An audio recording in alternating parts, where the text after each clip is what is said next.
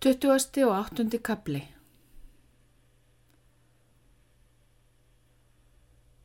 Nýr sveimur fórum dalinn. Kærkomið og margbrotið umtalsefni fyrir allan þorra manna. Aftur var germundur á ferðinni. Aftur hafði hann komið fram til Íls og Óláms. Vela þurriði, notað sér barnslega innfældni hennar hefði bæði gróu og hana í takinu. En eins og maklegt var, fekk hann sjálfur að súpa af því seiðinu. Loksins hemdist honum þá. Nú var hann frá. Viss að rýsa aldrei á ærlegan legg framar. Ofur seldur slarkinu og spillingunni rækur úr félagskap allra góðra manna.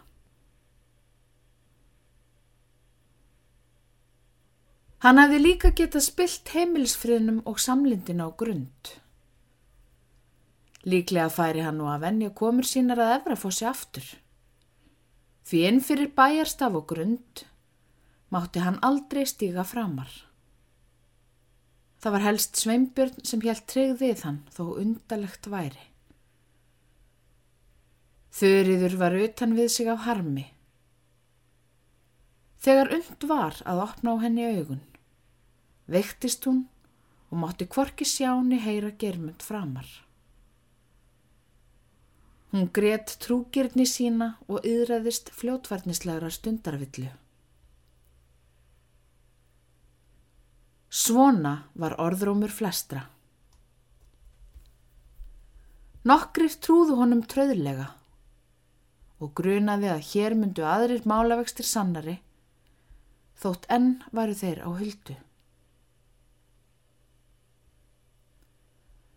Lítill nesti, gamall og óglæðilegur raunar nesti, sem aldrei hafði kviknað í og aldrei dáið út alveg. Hann glættist nú. Ef germundur væri nú kannski svonur prestsins, þá var von til að skapbreyðin yrðu svipleg hjá grundarfólkinu. Svip hafði hann til þess að vera vættinni. Ættarbræðið millir sér að Jósteins og hans virtist koma ljósast fram síðari hluta vetrar. Það var talað hljóðlega. Þetta að sér að Jósteinn myndi vera hinn rétti fadir germundar. En ef svo væri, þá hefði snjólaug gint hann. Presturinn hefði eflust verið drukkin og hún sætt því læginu. Brellin hefði hún verið um dagana. Aldrei þótt vænt um einar bónda sinn. Látið hann strita og elja en engur á það. Þóst standa miklu hærra en hann, bæði að sálar og líkams atgerfi.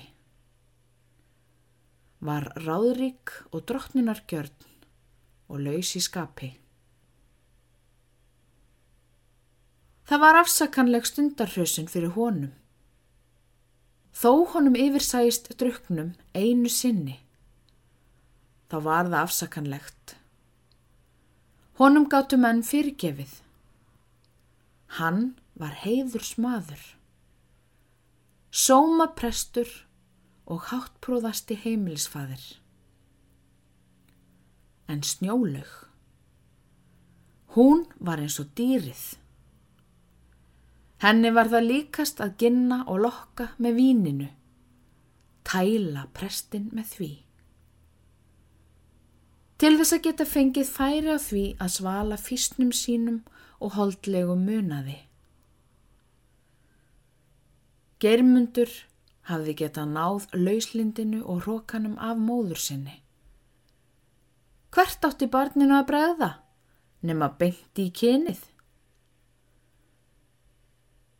Hjá slíkri móður var ekki að venda fræðslu siðgjaða, nýja góðrar háttpríði. Á fossunum hafði lengi verið lifað í sukki og svakki og germutur kom þaðan með spiltan hugsunarhátt og læfist framferði.